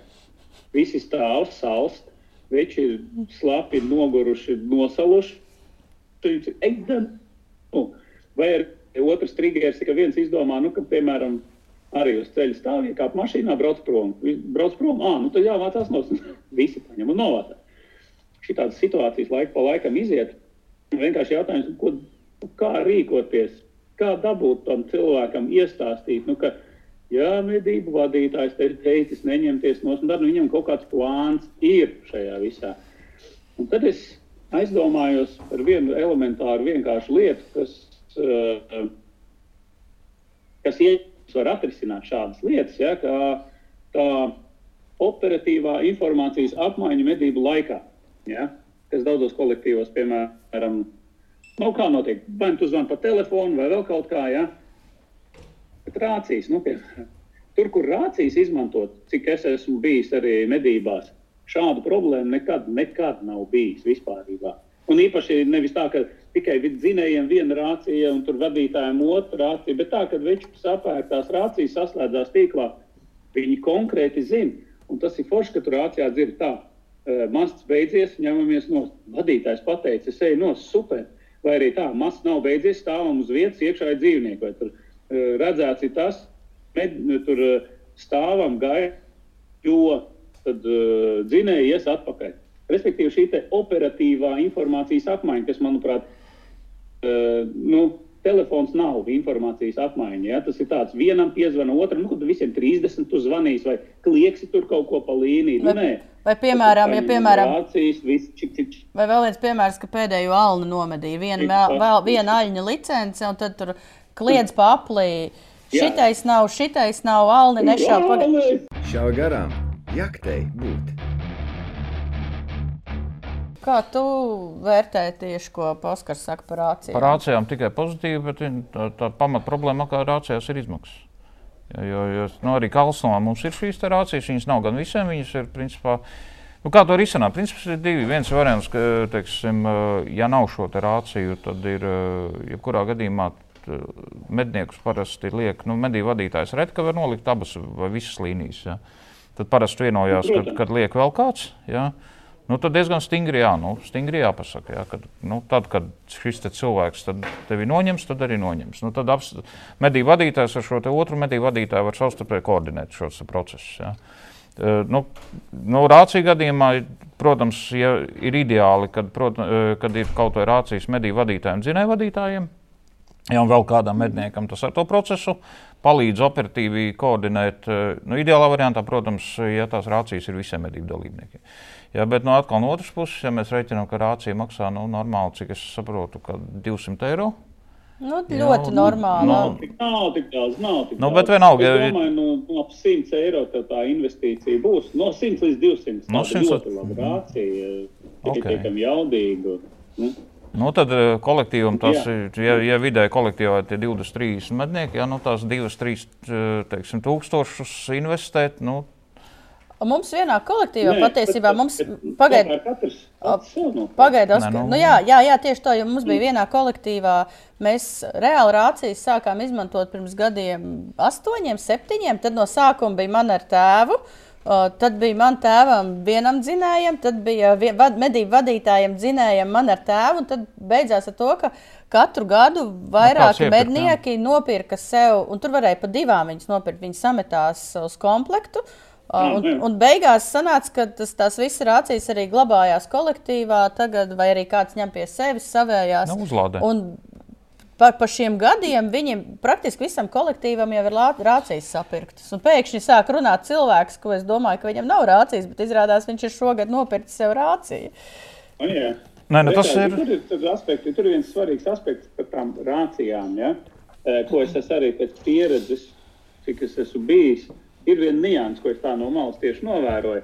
Ir ļoti, ir divi varianti. Ja? Tad, tad viens tas variants, ka kolektīvs vienkārši nopērk rācijas, ja? un tad ir viens, ir nu, nosacīta atbildīgā persona, kur tur kā izdala tās rācijas, pēc tam savāc tās rācijas. Ja? Un ir otra, otrs modelis, kad katrs pats sev nopērk rāciju. Ja? Nu, tad lūk, šis modelis, šis otrs modelis strādās ļoti, ļoti stipri, daudz vairāk bez visādām blaknēm, jo katrs, kurš ir nopircis pats sev personīgi to konkrēto rāciju, Nu, tā ir viņš par viņu arī rūpēsies, viņš par viņu arī skatīsies, lai viņi ir uzlādēti, lai viņi viņam ir. ir, jā. Jo, nu, tic man, tur es esmu redzējis, kā tie čaļi dzenā tās rācijas. Ej, kurš man neatdeva? Ah, es aizmirsu tur kaut ko. Nu, ja, nu, tad tur kaut kāda rācija nav. Tad no rīta attaisno kastīt, viņa puse nav uzlādētas, puse tur izlādējušās un tā tālāk. Tur respektīvi ļoti daudz dažādas tās blaknes, kas ir tādā modelī, kad kolektīvs nopērk vienkārši tāpat vienu. Ja? Un tā, kad tu tāpat vienu bez maksas iedod tam cilvēkam, ja, tad viņš arī vairs tā neatieksies nemaz tā kā pret savu. bet, Nu, tā, iedevi, iedevi. Bet es domāju, ka tas arī ir kolektīva attieksmes jautājums. Ja tur visādi jā, šitādi jā. man ir, man ir viss pie kājas, tad arī no attieksmes viss pie kājas arī tad rodās pēc tam ziepes medībās. Nē, es domāju, ka kā, tas ir līdz tam ir jāizaug. Ja, tāpat kā zvied, nu. Zviedriem, teiksim, Skandināvijā tas rācijas normāls. Nu, es nu, savulaik, tā kā sākām, es savā kolektīvā, ja, teiksim, es biju, man regulāri, teiksim, nu, mums pat cik mēs neesam daudz, nu, vairāk vai mazāk mums ir katram bezmaz savu, savu vietu, kur parasti iet stāvēt masta. Ja? Un, un, un, nu, tad, kad es tur sāku medīt, tad man liekas, vienam no retējiem bija karabīne, un tad parasti man lika uz atpēdām, teiksim, laukumalā. Ja? Nu, tā, tās atpēdas tur ir tā, teiksim, divu ceļu krustojums, ja, netālu, un, un ik pa brīdim, sevišķi, pat cik netālu ir kapi, ja, tad tur regulāri sestdienās brauc kāds uz tiem kapiem, kā, jo latvieši ir kapu tauta. Ja, nu, tad, tad vienmēr tu stāvot uz tā masta, ja, tad, tad, tad ir tā, ka ir, ir, ir, ir nu, visu laiku ir, ir nu, tāds, tāds stress, ja, kad, kad, kad nu, vai, vai tas jā, arī tie brieži, un tie brieži tur mēdz iet, ja, teiksim, lai tur, teiksim, tā kapu tauta netiktu traumēta. Ja, nu, tad, tad līdz ar to beidzās tas stāsts ar to, ka es uztaisīju medību torni ja, tajā vietā, kur man jāstāv. Ja, tad, Nu, vēl pēc gada vēl dažas torņus. Ja, tas sākumā tā, tā attieksme bija diezgan skeptiska. Ja, Ē, ko tu tās tās kastes? Ja, nu, mums jau ir labi tā, kā ir. Ja. Nu, tad sanāca tā, ka man tie torņi bija sat, sataisīti kādi trīs laikam. Un uz tām, tām lauka pārējām salikti. Un tad vienā, vienas sezonas laikā, protams, tie, tie veči iz, izrotēja pa tiem torņiem. Ja? Un tas sanāca tā, ka praktiski no tiem torņiem arī vairāk vai mazāk dabūja nu, vismaz šaut un nomedīt. Ja, un tad, kad pēc tam nākamā rudenī es ierosināju, ka viņš uztaisām tauku sacēs vēl tos toņus, ja, tad pēkšņi vairs nebija tie, tie jautājumi stulbie, ja, priekš kā viņus vajag. Ja. Un rezultātā mēs visus kolektīvus tajā rudenī sataisījām kaut 20 vai 30 toņus. Ja. Šoruden atkal puikas sataisījām vēl 12. Ja. Un tagad liekas, jā, ev, paši, paši, pats kolektīvs saka, ka veči devēja vēl tur torni vai tur vai torni. Ja. Un es domāju, tas pats stāsts ir tam rācijām. Tas, ko Linda tikko teica, jā, nu vienam, tikko vienam ir, jā, nu, saprot, kad, un, un kas ar rācijām forši, forši ir tas, ka tas medību process ir baigi dinamisks. Stāvot uz masta, tu visu laiku dzirdi, kas notiek. Uh -huh. Jā, un nevis stāvi tā kā muļķis un, un gaidi, kad nu, tas beigsies. Jā, jā, jā, bet, bet visu laiku tu esi iekšā tajā procesā. Jā, un, un tas laiks paiet ātrāk. Un līdz ar to, jā, nu, es domāju, ka ir, tas ir vēl 5, 7 gadi, un tas rācijas aiziet. Tas pats jā. jau arī suņu GPS. Jo Jo, piemēram, mans suns nav jāmeklē, vispārējie tos suņus meklē. Nu, tas ir kaut kā.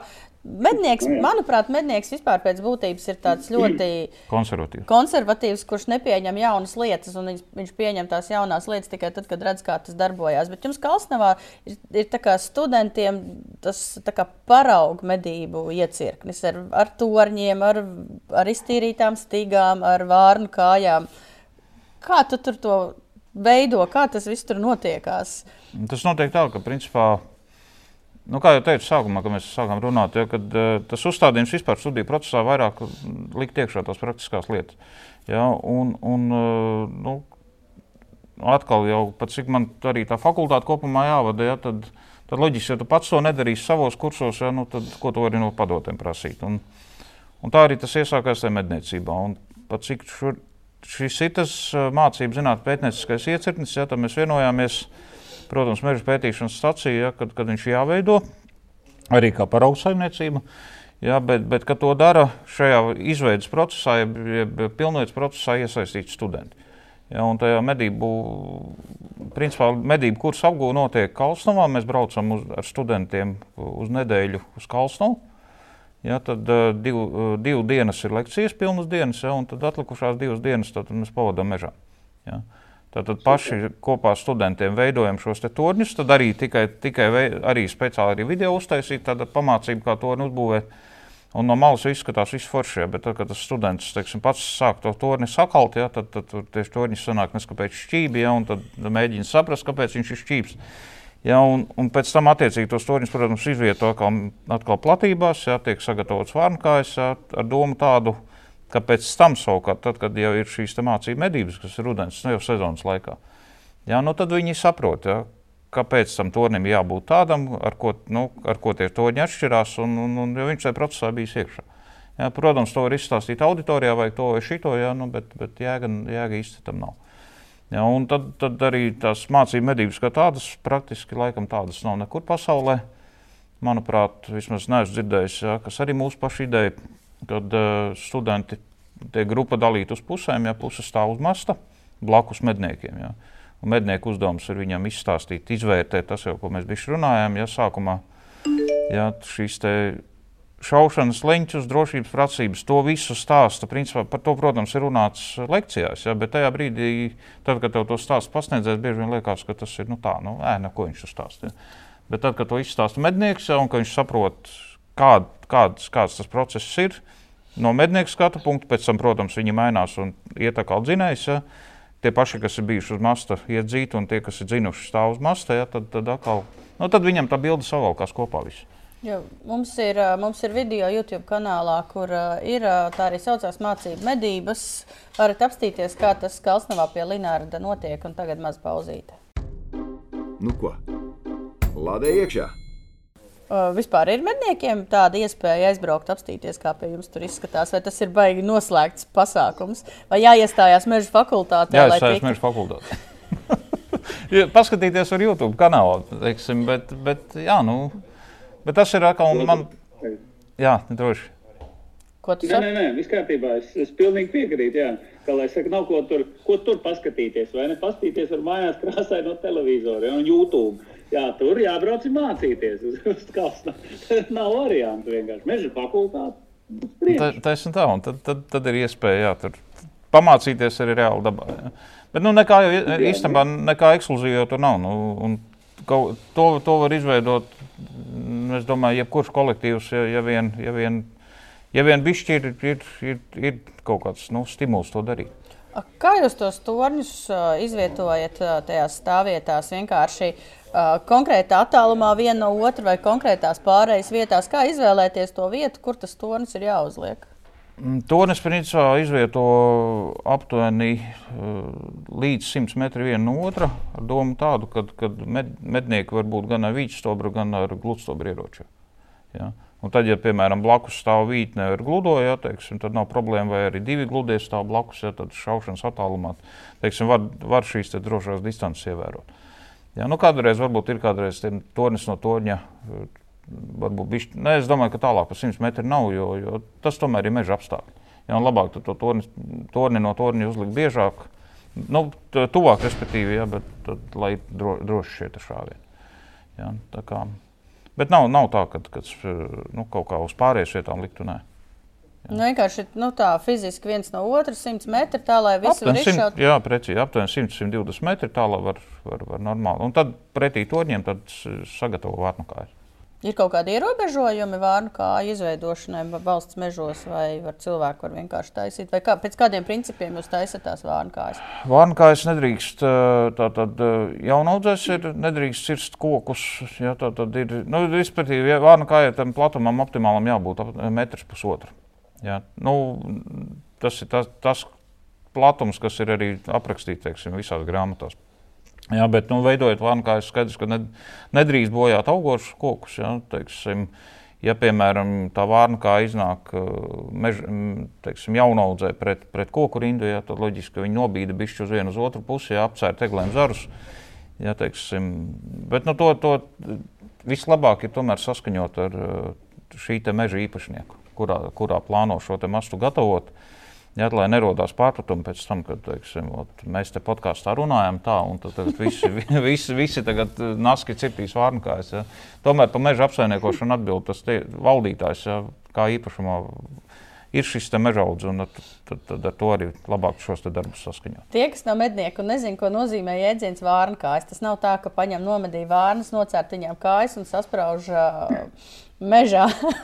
tas nozīmē, ka no mednieka stāvvietas uz priekšu trīs leņķos tieši pretī un mazliet uz leņķiem iztīra tādas tā kā stidziņas, stidziņas, šaušanas stidziņas, lai var mežā iekšā, mastā iekšā, bet uz leju, tuvā distancē raidīt šāvienu. Kaut gan ir arī situācijas, es esmu redzējis, ka uz priekšu mastā neveido vārnu kājas, bet veido uz aizmuguri. Uh, Visādi var, var veidot, bet ko dod vārnkāja? Vārnkāja dod to, ka tāpēc arī viņas ir trīs. Ja dzīvnieks para, pārvietojas paralēli mednieku līnijai, tad uh, pirmajā vārnkājā uh, mednieks šo dzīvnieku var ieraudzīt, ja otrajā sagatavoties teiksim, jau šāvienu izdarīt.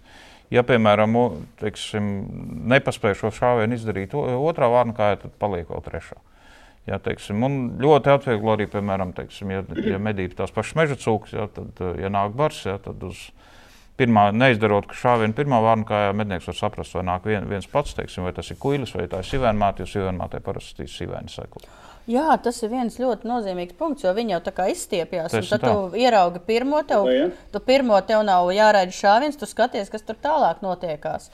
Savādāk, tev, ja viena stīdziņa kaut kāda mirklis ir, tad tu gaidīsi to, kas pirmais galvu pagāž. Nu, jā, nu, savulaik es savu vienīgo zelta kuili arī tā nomedīju. Tikai pateicoties vārnakājai, jo es viņu mežā ieraudzīju uz vārnakājas. Ja, kur bija gan, gan eh, tikai viena vārnakāja, bet ot, otra vārnakāja bija grāvis, grāvi atbērni. Un tad viņš pārgāja pāri tai pirmajai vārnakājai. Es sap, nu, sapratu, ka viņam ne, nekas nesako, ka tas ir kuilis. Nu, tad uz otras šīs vārnakājas, jeb grāvi atbērtas, es viņu arī nomedīju veiksmīgi. Ja es šajā brīdī, pilnīgi vēl šobrīd zinu, ka, ja, viņ, ja būtu tikai šī bērna atbērne, ja, ti- teiksim, es nekad viņam nebūtu šāvienu raidījis šim te, uh, dzīvniekam. Ja tu vienkārši nesaprastu, kas Nesaprastu. nāk pēcmugurē. Precīzi. Tā kā tas, tas nu, protams, arī, arī drošība, jo vārnkājas arī zināmā mērā arī mazina to pašu kaut vai rikošēta risku. Mm, arī Ja viņas ir jā. iztīrītas, ja, tad, tad, tad eh, nav problēma. Ja, teiksim, ka lode varētu, ja, ja šauj pa šo te stigu vārnu kāju, teiksim, tad lode varētu atsisties ķert zarus vai kā savādāk. Ja, tā kā, tā kā tas, tas, tāpēc jau viņas ir izdomāts. Tā ir. Bet es neesmu patiesībā daudz kolektīvus redzējis, kur ir tās vārnkājas. Ir kolektīvi, kur ir turnīši, tad brīžiem var būt tās kaut kādās vietās tās vārnkājas ir iztīrītas. Agrāk, padomu laikos, man liekas, Bija ka bija obligāti. Tas bija obligāti. Tad kaut kā tas viss tā kā aizpeldēja projām. Tagad to dara uz entuziasma pamata, ja kāds ir, kas to dara. Bet, bet uh, priekšrocības. tam ir- Priekšrocības ir, bet, bet nav obligāta prasība, kad viņa vārnkājiem jābūt. Un tāpēc arī nu, būs, būsim reāli, arī mums viņas nav tik visur tik perfekti uzturētas. Jo, principā, ja tā ņem, tad vārnkājas būtu jāizpļauj katru gadu. Nu, Viņas loģiski, ir jā. jāizveido, un tad pirms sezonas, es zinu, teiksim, ir šīs komercmedības saimniecības, tur ir speciāli teiksim, uz, tiek dots uzdevums darbiniekiem, ja, pirms eh, sagatavot mastus, pirms medību sezonas. Tātad pārbaudīt torņus, kas arī būtiski, ja mēs par torņiem daudz runājam, tad, tad būtiski ir arī medību laikā, pirms medību sezonas, vienmēr es arī uzsveru, vadot medības, ja, kad, eh, nu, protams, ja tas tornis ir jauns, tikko būvēts, tad ir ok, viņš ir drošs, ja, bet tikko viņš ir pastāvējis jau gadu divus, neskatoties uz to, ka viņš liekas varbūt vizuāli svaigs, ja, bet eh, es vienmēr lūdzu medniekiem pašiem pārliecināties, lai tornis ir drošs. Nu, tā nianse, kas ir šogad iezīmējās, bet tas ir droši vien energo krīzes apstākļi, ka torņiem tiek nolasīti dēļi. Jā, diemžēl. Jā. A, Tad tie sēdi dēlīši, kur Ne tikai sēdēji, tagad, teiksim, kalsām man vienam, vienam mastam, no, katram tornim principā ir četri grīdas dēļi. Tad, bet nu, tur ir viss cieņa tiem, tiem, kas viņus ir nolasījuši. Ja viņi klausās, tad paldies jums, draugi, kas to tornis nolasīja. Jo viņi ir nolasījuši katram tornim divus dēļus.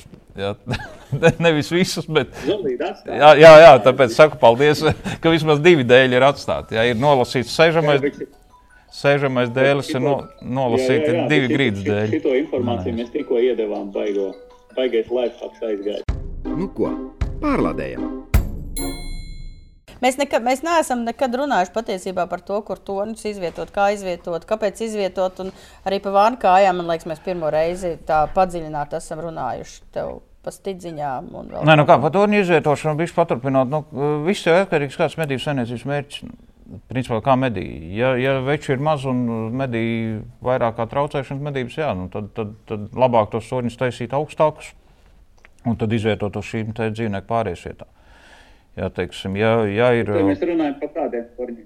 Stāvtornīšiem. Stāvtornīši? Stāvtorņi, bet jebkurā gadījumā tie stāvtorņi arī. Nu, mēs sākām savulaik būvējām, tas stāvtorņu grīda bija kaut kāda divu metru augstumā. Ja, un tad mēs sapratām, ka meža apstākļos viņi ir pie augstu.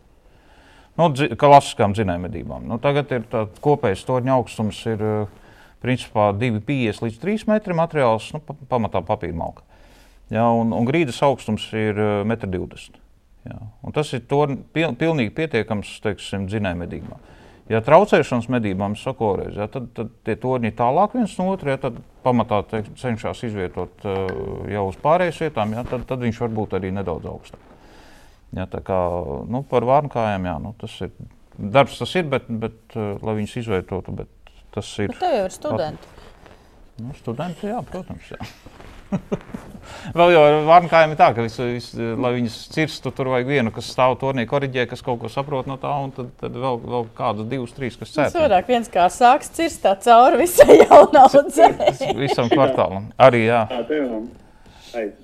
tā ir. Uztaisīt vēl kaut kādu šķībo, zin kā, tad ir koks traucējis vienkārši tā apat, apat. šitāds. Tā kā č- čukšam plinta līku vai normāli. Nu jā, plinta līkuma lido. Viss viss kārtībā.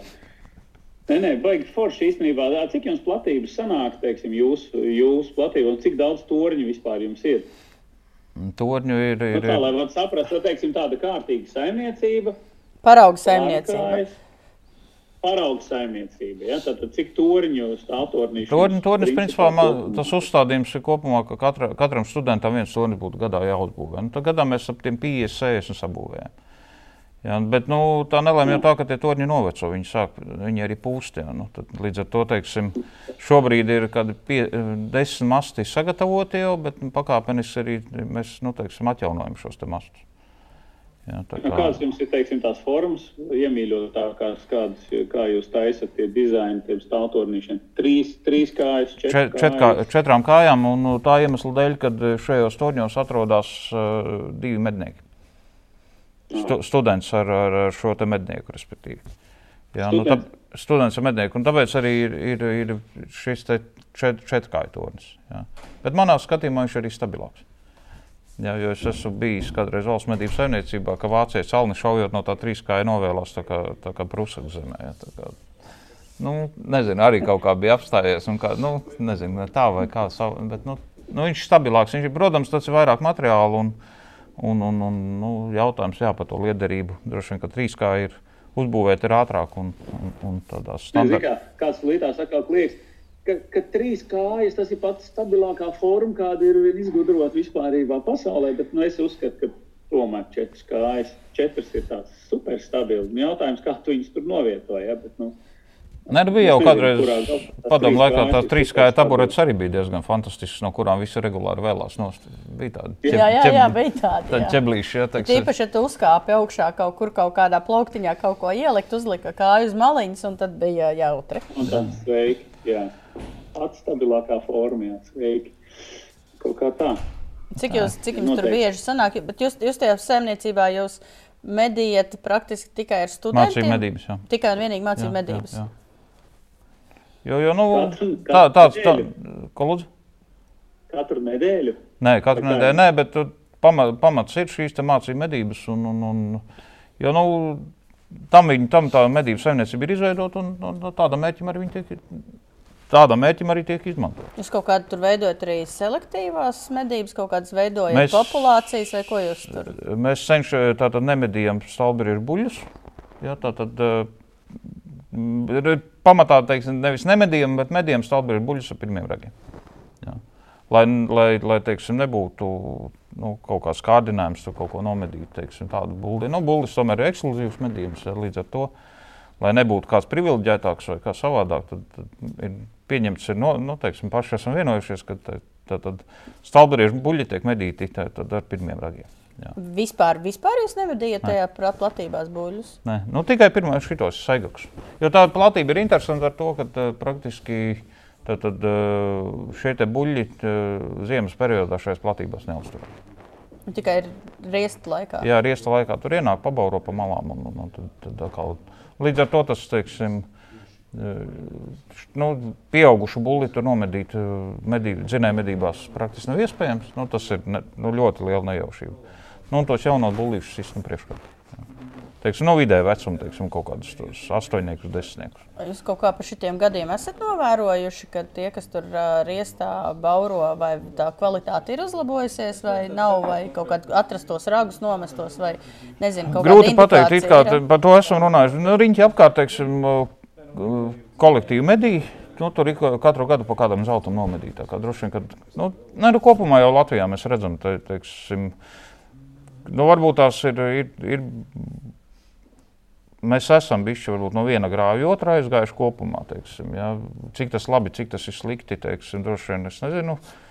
Jā, teiksim, man viedoklis, ka, kad, kad, kad, nu, bišķi pat traki ir varbūt vietām, jā, bet, bet, eh, Kādā ziņā? Nu, kā, kādā ziņā, kad jaunie mednieki, ja teiksim, nu, ir, ir kolektīvos, ir atsevišķos kolektīvos, teiksim, tāds, tā, tādi noteikumi, ja, ka tur, tur bija nepareizi bulli nomedīt, tev bez maz tur. tur, tur. Kāja nocērt. Jā, nu, tu tam. Un, un, Mans viedoklis tāds, ka, protams, jā, nu, es vienmēr esmu medni, teiksim, studentiem uzsvērs, ka principā medīt, tu iemācies medījot. Jā, un tas pamatu uzstādījums ir, ko vajadzētu panākt, kad, kad tu mācies no savām kļūdām. Izanalizē kļūdas un mācies no viņām. Jā. Un loģiski, jā, ja cilvēks ir, ir pieredzējis, medniek, bagāts mednieks, viņiem ir jau buļļi, 5, 10 un tā tālāk. Jā, un viņš apzināti šauja, teiksim, perspektīvu būlijā, nu tad, tad es pilnīgi piekrītu visām soda naudām, represijām, viss ir pareizi. Ja, bet tajā pašā laikā, ja teiksim, jauns mednieks ir būli dzīvē no nomedījis, ja, un tagad teiksim, no, no, norauj tur knapu bronzu, ja, un pēc tam viņi izgāna tur, tur nezinu, nu, nu, tas, tas kā rada riebumu pret medībām teiksim, kopumā. Es tam pilnīgi piekrītu. Jā. Jā, tas ir nepareizi. Es vienmēr esmu teicis, ka tas ir nepareizi, jo savulaik es, es, es atceros tos gadus, kad nu, 10, 15 atpakaļ, ja, pat vairāk, ja, kad nu, kā vienalga, kāds būlis teiksim, muti atvēra, tā viņš dabūja pa to muti. Ja. Nu, tas arī bija nu, no otra, no otra galējība. Ja. Tā kā nu, ir bijis tas līdzsvars jāatrod, un, un, un, un galvenais ir jāiemācīt. Nu, kā jau teicu, arī tos buļļus novērtēt, var iemācīt, iemācīties tikai, tikai medījot. Jā. Un, tā ir, jā. un tā, tā, tā, lai, lai vieglas smiltis graujānim, viņam bija tas leģendārais teiciens, uh, virsmeža zinām zemgals, ja, ka nekas tā nesamazina trofejas vērtību kā nomedīšana. Ja, ja makšķerniekiem ir otrādāk, ja, tad viņiem parasti noraujās tās lielās zivis. Ja, tad, tad medniekam pirms šāviena tā trofeja bija grandioza. Nu, tā viņš nokrīt, tad tā trofeja saraujās. Nu, tas ir normāls process, tā, tā notiek sevišķi ar ragiem. Ja, bet, Bet, ja tu, ja tu iz, izvērtē to un, un nākošo reizi cen, centies nepieļaut to kļūdu, viss ir labi. Ja, tāpēc arī nu, man nepatīk arī šausmīgi riebjās. Vienmēr teiksim, nu, tas, tas, ka med, nu, kādreiz. Tāpēc es īstenībā nekur nebraucu riņķi apkārt. Bet, nu, kad, kad gāna teiksim, arī tajās pašās izstādēs, ja, tur, tur ir nācies dzirdēt, ja, ka to tur vajag izkastrēt, ja, un to vai ko tur neko izdarīt ar to mednieku, kas, kas to buļbuļsāģi nomedīs perspektīvā.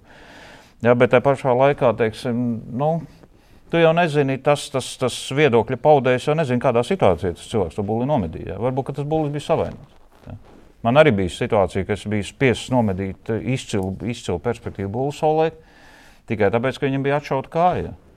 Un, ja es to būlu aizstiepu uz izstādi, tad, tad man tur izķēzīt pa visu Latviju, kad Sisens ir, ir, ir bērnu nošāvis un ko tik viss nav izdarījis. Ja. Nu, Jā, nē, nu, un, ta, un, un tas, tas, atsit, tas, tas bieži vien atsit vēlmi arī medniekiem rādīt trofejas. Tā jā. ir, jā, es tam pilnīgi piekrītu. Tā un, ir. Apriekšam, nu, un mēs atkal nonākam, nu, ir kaut kādi guru, kas tur ir lielie speciālisti. Jā.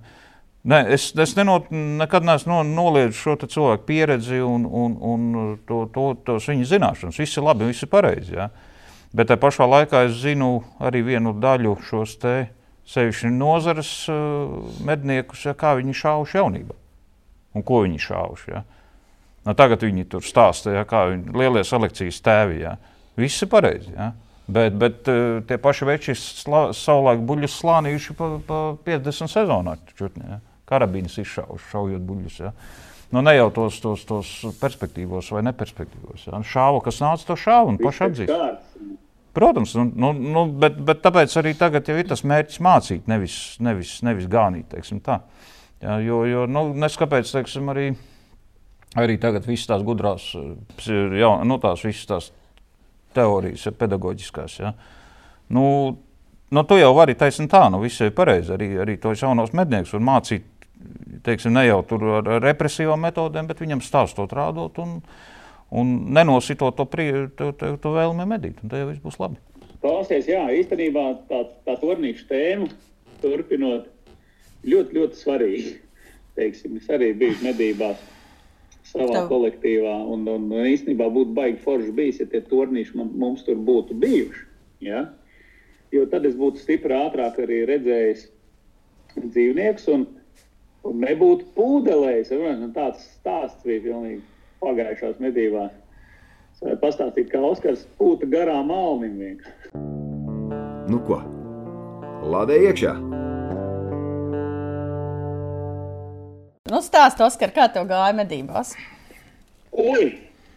Medības bija fantastiskas, kā lai to pasaka, kolosāla diena, fa fantastiska diena, mums bija ļoti veiksmīga diena bija, nobedījām, cik mums sanāca, vairākas, trīs briežus, divas cūkas, viss bija lieliski.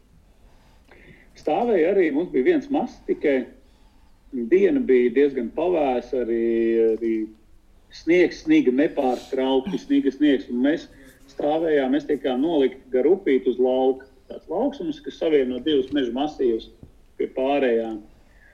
Tur ir tāda forša vieta. Nu, protams, tas vējš un kas un augsti ilgi jāgaida. Mums sanāca, ka dzina turp un atpakaļ. Dzinēji vienā brīdī izgāja ne tur, tad atkal dzina. Nu, respektīvi, tas process notika. Trenējās. Nu, trenējās, jā. No sākuma starp mani un, un, un kolēģi, kas atradās man pa kreisai rokai, jā, tur jā, pa kreisi. Skatāmies, jā, nāk, brieži nāk. Nāk trīs brieži, trīs buļļi, visi ar ragiem, visi jauni buļļi. Pirmai, pirm, pirmais vienkārši pats lielākais, otrais bija mazāks, un trešais mazākais. Nu, skaidrs, nu, ko mēs darām. Sākam puļķēt, protams, pa to, pa to vienu mazāko. Viss viņš iet mums uz līniju, viss. Es nu vienreiz izšauju garām, otrais lādēju iekšā, man neiet. Protams, manējā aptver arī vēlāk pastāstīšu, kas ir jādara ar aptverēm, lai, lai tādas problēmas nebūtu. Te vienkārši aptver neuzspiež augšā uh, patronu. Klak! Izņem ārā kaut ko daudz, ieliec apakaļ, atkal piemet par to laiku. Brieži pārskrējuši jau pāri upītē jau ir kolēģis jau tik dzirdu klonu, izšauja, trāpījums ir. Un tālāk viņi aiziet kaut kādā otrā pusē, pa lauku skrien projām. Un, un tas viens, kuram kur ievainoja, tieši no manis kaut kādā simts metros apstājās, apgriežās pats ar savu asu. Var redzēt, ka viņš ir trāpīts, bet nu, taisās skriet, es izdarīju vēl vienu šāvienu, pēc kur tālāk, tur 50 metru viņš nokrita. Viss super, nomedījām, ideja, viss pa diviem. Nu, Nomocījāt. Komandas darbs. Komandas darbs, viss forši. Nu, neko. Gaidu, gaidu. Stāvu, sniegs, sniegs, nu, tīzlis tas laiks, atvainojos, tiešām, nu, drausmīgs. Vēs, kaut ko tu tur pietupies, kaut ko tur rokas, tur kaut kas salst un viss, baigi forši. Un nenormāli sniegu, un es ierocu, nu, neturu šeit, lai ne, ne, nekrīt optikā iekšā, bet man viņš karājās šeit, nu, tā kā ar stobru uz leju. Mežmāli 300 metri. Tālāk mums ir tāds, tāds tā kā stūrītis, no kur parasti nāk ārā. Un uh, dzirdu, ka, jā, nu, ka brīvi brāķis kaut kas tur ir. Un tad ir klusums. Nu, tāds klusums, klusums. Ārā nenāk. Ārā nenāk. Un man tad, teiksim, sanāca laikam jāstarp manu kolēģi, kas ir pa labu. Mums ir, ir ir krūmi. Nu, krūmā jums uh, uz tā lauka ir tāds mazs upīts, grāvīši un krūmāji. Un gar turien arī ir tāds krūmājs, tur ir vēl sacirsti koki salikti. Nu, kā, nu, es neredzu, viņš no tās puses ļoti labi redz. Kā, nu, kā pret viņu. Liet, es stāvu un gaidu, un tas klusums ir tāds. Un tagad nu, es stāvu tagad to, to, to roku uzlīdz uz tās, uz tās stobra, ja, kas ir uz leju. un tagad, un skatos uz otru pusi un atskan šāviens. Ja? Un man tas pirmais, es pilnīgi saraujos, tāpēc, ka uh, man tā pirmā, pirmais mans iespējas ir tāds, ka uh, nu, ir manējais ierocis, ir detonējis, vai es esmu kaut ko uzrāvis, esmu izšāvis netīšā. Nu, tas šāviens ir tāds, ja, tas kā mans klusīts, principā. Ja? Tas bāziens tur ir tāds, nu, kā nu, tur nobīsties no tā, ka tev vienkārši it kā izšauja ierocis, vai ne? A, nē! vienkārši blakus kolēģis ir sācis šaut uz dzīvnieku, kas ir nācis, izgājis ārā no meža. Saprotiet, vienkārši nu, tā, tādā leņķī, ka tā skaņa tieši vēja atnāk. Nu, tik, viņš, viņš ir septiņi reizes magšāli. Ja? Līdz ar to tas bāziens tāds, ka es palicos sev blakus 100 metru attālumā. Vairāk. Nu, lūk, ko es redzu? Tas starp mums tieši smuki nāk liels alnis un teļš aizmugurē. Bet nu, līnijā mums bija teikts, ka uh, šo aļņu govu mēs nešaujam, nu, nemedījam. Ja? Tikai teļus vai buļļus. Nu, tagad es, es piemetu jau optikā, skatos uz to teļu un tā kā, nu, tā kā izvelku cauri tai govī, skatos teļu un beigās pagaidu. Kas tā tāda pa govi? Tā nav nekāda govs. Tas ir būlis ar ragiem. Saprot? Nu, tāds. nu, tad vienreiz izšāvām par vienu, par otru. Sveiki! Uz redzēšanos pamājām Alnītim. Abiem diviem ar roku. Nebija neatcerēts. Tu vienkārši tas- tas- tās- Zariem. Bet tā stāsts, tas stāsts ir par to, ka, ja tu būtu bijis uz tonīša, tad tu tajās, tajos krūmos būtu labāk redzējis. Jā, noteikti, noteikti. Un šāviens man būtu izdevies stipri labāk. Noteikti. Man tā Noteikti, jo, jo tad eh, pa, aug, paaugstināt, jo tie, tie mazie tādi puduriņi, tu jau uz viņiem neko neredzi. Jo principā es pēc tam pamērīju tos attālumus, kas, nu, protams, pats arī nu, nošāvu garām. Tas ir skaidrs. Kā pēc tam visi jau teica, man kolektīvā teica, klausies, tev, nu, mums ir, vien, man ir pazīstams viens džeks, viņam šautuvi tad numuru var iedot. Tad pat aizbrauc. Tepat blakus tev. Oskars tāds, tad numuru iedošu, ja tev nav. Aizvāc patren. Nē, bet, no, jebkurā gadījumā medības, medības situācija tāda, es viņu varētu redzēt stipri ātrāk, jo viņš parādījās ļoti neforši. Viņš jau bija arī tādā leņķī, ka es jau, jau principā nevaru šaut, jo tad būtu praktiski pa līniju jāšaut. Tad man ir jāgaida, kamēr viņš man pāriet pāri upītei otrā pusē jāpalaiž. Nu, viņš at- attiecīgi gāja diezgan, nu, ne, ne jau tā kā vienkārši bl- blatē. Viņš tā smuki. tā Jā, kā parasti. Jā. Tālāk, jau aizmugurē vēl ir krūma. Nu, respektīvi, situācija, medību situācija, klasiska šāviens, garām šāviens. Garām, jā. Nu, Tad vajag padomāt, vai vispār vajadzēja šaut. Vai vajadzēja padomāt, vai vajag šādu Tajā Nē, nu, situācijā. būs bija jāmedī. Jā, būs bija jāmedī, tas ceļš arī. A, kāpēc? Pagaidiet, dabūjām pagaid, arī. vēlreiz es nesaprotu, kāpēc ceļš iet ar bulli kopā. A, Tas tiešām bija ceļš, Govs var nomedīt. govs nomedīt. Ja? Kaut kādā brīdī nomedīta govs. Un... Izrādījās, ka nebija, viņa nebija nomedīta. Iespējams, tas bija, eh, tā bija tāda, tāda ģimenīte, kur sadalījās. Jo, jo pa otru kaut kur tālāk, citā pusē bija izgājuši vēl aļģi, un aļģi govs bija izgājuši. Tad iespējams, viņi bija kaut kā sadalījušies, varbūt dzenot vai kā. Ļoti iespējams. Ja? Un tas uh, mazais aizskrējis tam būlim vienkārši pakaļ. Būlis nošķīrās, un tas aizjūza pakaļ. Jā, man- Bet es pirmo reizi, starp citu, redzēju, pirmo reizi es redzēju tik mazu teļu. Nā, tad viņš tā kā skaidri redzams, ka tas bija ceļš. Man Galu? tā bija skaidri redzams, ka tas bija ceļš, nevis kaut kāda liela maza govs, piemēram. Man liekas, ka tas ir vispār brieža teļš. Nu, tāds zin, suņu lielums kaut kas. Nu, tas ir vēlu aplekta govs nu- vienkārši. Vai nu tas augsts, tas, tas būs bija milzīgs, ja?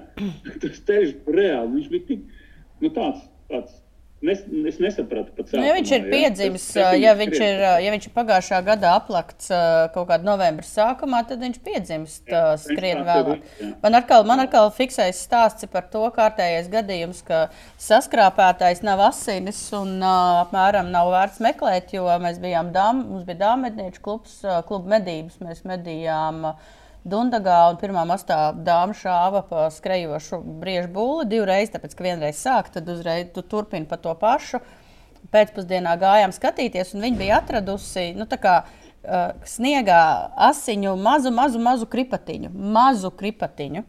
Un, uh, braucot uz turieni, jau mēs diskutējām par to, ka ir uh, saskrāpēts un uh, nekas jau tur nebūs un būs aizgājis. Mēs to būli atradām 200 metrus no šāviena vietas, un pēc 50 metriem jau bija nevis kripatiņu asins, bet bija jau uz katru soli asins. 170 metros viņš bija stāvējis, un suns viņu sāka paņēma 200 metros. Uh, nu, tā kā dzīves vēl bija ar trāpījumu tieši zarnās, tur bija vienkārši viss uzspridzināts. Bet, nu, uh, smieklīgākais šajā stāstā bija tas, ka mums nāca līdzi jaunais mednieks. Foršs čalis mums piedalījās visos pasākumos, un mēs ar mednieci ejam un aizmugurē tas čalis ir baigot uncis, suns strādā, un mēs vienkārši gaidām mirkli, kad varēs raidīt drošu šāvienu, es neļauju nekad šaut, tad, kad suns ir kaut vai bišķiņ blakām. Sunim ir jābūt pie mednieka, mm. lai raidītu šāvienu uz dzīvnieku. Un tas džeks visu laiku, tas būs guļus, suns un tas džeks visu laiku. Es iešu piedurt, es iešu piedurt, es varu aiziet piedurt. nepiedod. Nevajag. Nē, nē, piedod var, bet nevajag. Nevajag, bet mēs, mēs, mēs, mēs beidzot, beigās mēs lamājām to čali, kas bija vienkārši gandrīz vai uz matiem jātur un jārāvi atpakaļ, lai nelīdz stobram priekšā piedur to bulli. Tā kā arī paš, pašpārliecinātība, tu teici, ja? Nē, nu, ir, jau, ir jau visādi džigiti. Nu. ir, ir, ir jau ir, ir, ir bijuši gadījumi, ka pie- piecgadīgi kuģi piedod, un reāli ir piedod. Nu, teiksim. Bet, nē, nu, nē, tā ir jāmāk, droši jā, tur vajag profesionāli. No tā, noslēdzot, noslēdzot šo stāstu, tev ir kaut kāds viens no taviem trakākajiem gadījumiem, ko tu vari pastāstīt, kas, ko tu esi medībās darījis, izdarījis. Uh, varbūt tad neieteiktu darīt citiem, varbūt ieteiktu. Nu ko, pārlādējam! Pastāst kādu. Nē, pa, nē drīzāk pa, paturpinot par šīm pašām asinspēdām, bija savulaik arī starp citu buļļus medījot. Uh, ir tā, nu, bija, bija situācija, kad, kā jau stāstīju, mēs medījām pamatā uz pārējām, un, un viens mednieks uz, uz vienas pārējas, es uz nākošās tālāk pa laukiem. Un, nu, un tas pirmais mednieks izdarīja, manuprāt, kaut kāds 3-4 šāvienus pa brīvu buļļiem. Nu, jā, un pēc brīža parādās trīs buļļi man nāk. Un, un, un, nu, arī jauni, teiksim, jauni buļļi, starp kuriem ir arī atšaujams.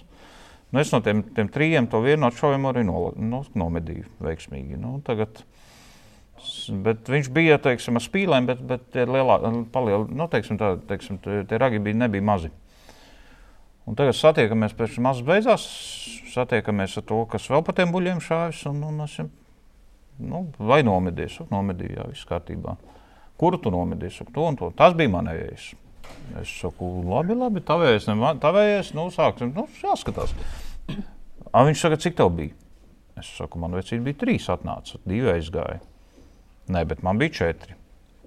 Es saku, nu, tad tas nevar būt tavējais, tad tavējais ir, ir kaut kur. Uj, Nu, sa, nu, vai guļ vai ko, bet nu, tā, katrā ziņā, nu, labi, sākam tas pats stāsts, kas Lindē, sākam iet pa pēdu. Pēc šāviena aptuveni 150, 200. eh, Šis te šautais būlis bija vienkārši perpendikulārs sniegā, bez asiņu pilas, bez nekā bija atdalījies. Nu, Kas jau ir rādītājs? Tas ir rādītājs. ir un Velk uz rādītājs? mežu. Līdz mežam vēl 150 metru aptuveni. Nu, tagad ejam, es saku, rekuitavējas. Nu, sākam iet pa to pēdu. Turpinam, pareizāk sakot, sniegā. Līdz, līdz mežam piliena neviena, pat ne, ne kripatiņa. Nu, tas mednieks, kas pa to buļbuļsu bija šāvis, viņš saka, ka tur nav vērts. Jā, tur nu, nav tā buļļa, nav, nav trāpījis. Nu, pat cik es savulaik pa medības pavadīju, diezgan daudz pie jēgara strādāju. Es saku, tā ne, nu, nevar būt. Tā pieredze gan liela. Es saku, ja, ša, ja buļbuļs atdalās briedis, tad viņam ir jābūt trāpījumam. Es saku, iesim mežā. Ja uz grāvi pirmā grāva būs, tad asinīm jābūt tur. Uz pirmā grāva taisnība tā arī bija. Bija asiņu piliens, bet piliens viens. Vēl pēc metriem 50 bija tā kā div, divlatnieks, tur, kur viņš bija stāvējis. Jā, un atkal aiziet bez asinīm. Tad mēs viņu atstājām apzināti. Un, un beidzās ar to, ka otrā dienā atradām to dzīvnieku. Jā, teiksim, un viņš pēc tās vietas, kur mēs viņu pametām, bija nogājis vēl 150 metrus. Šāviens bija vīts, stobrs bija trāpījis precīzi pa kuģi. Tas pats stāsts tikai kalibrs 7, 6, 4. Jā, nu, tā lode to kuģi bija sādījusi bišķi mazāk. Jā, un, un, un, nu, droši vien, ja mēs būtu, nebūtu sniega tad vai suņa, tad, tad tā arī būtu palicis. Bet ar, ar sunu sunu. Nē, mēs pat pēdām. Otrā dienā viņu sarēja tas suns arī tajā dienā, bet ne, vienkārši neļāvām iet pakaļ.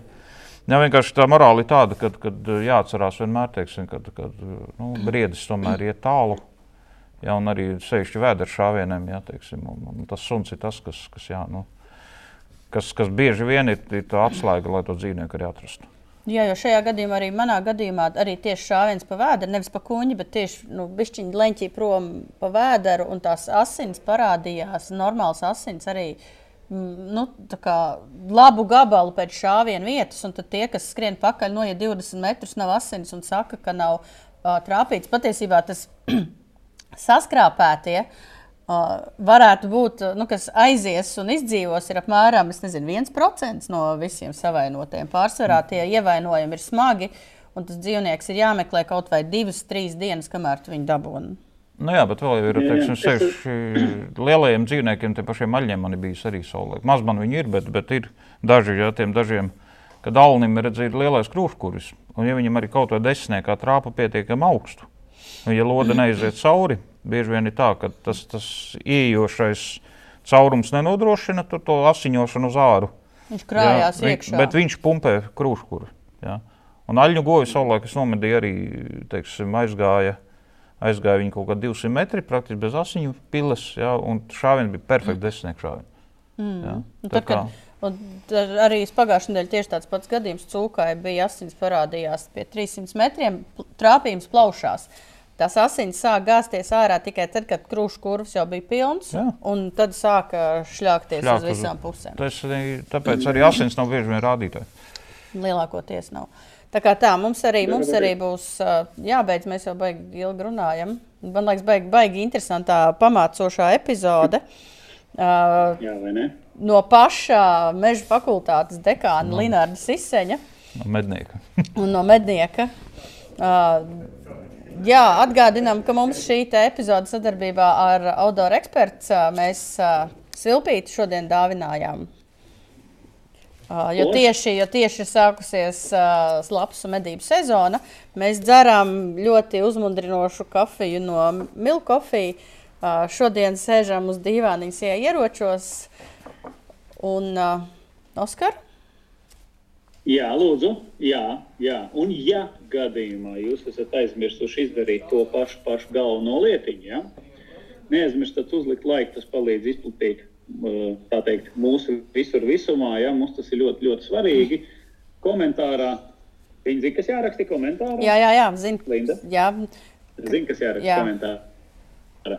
Draugi, mīļie, neaizmirstiet ierakstīt komentārā to, ko jūs zināt. Nu, jebkurā gadījumā, kā jums patīk šī epizode, un nu, varbūt tās vēlreiz ņemot vērā, ka jaunā sezona mums ir sākusies, tad, tad uzrakstiet arī vēl joprojām varat rakstīt un visur, visos galos, kaut arī šeit komentārā, kur, par ko jūs gribētu nākamās visas epizodes dzirdēt. mums ir baigi daudz, mums ir baigi daudz foršas, mums ir baigi daudz foršas idejas jau ienākušās, baigi superīgākās. Jā, jā, jā, jā par, par to nav jautājums. Tā kā tā, jebkurā gadījumā prieks par to, ka jūs mūs klausāties. Tas ir ļoti super svarīgi. Parādiet šo epizodi arī citiem medniekiem, draugiem, paziņām, vecāku gadu gājumu cienījumiem medniekiem, jā, vectētiņiem, vecmāmiņām un arī tiem, kas nav mednieki. Jo mums ir, mums ir lieliski pieredze ar to, ka klausoties podkāstu, cilvēki kļūst par medniekiem tieši klausoties podkāstu. Tas vispār ir super un iepriecina mūs. No, tas, tas ir forši. Nu, tā pavisam tā no sirds. tas ir grūti.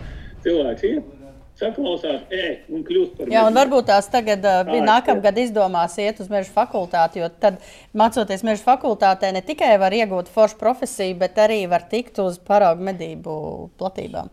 Linārds, mazais novēlējums medniekiem. Mazais no, novēlējums ir turpināt šaut garām. Un viss būs labi. Turpinām šaut garām, uh, nemēslojam mežā, nemēslojam nekur. Un, uh, ja jūs redzat, ka kāds mēslo, aizrādām un savāciet savus sūdzes.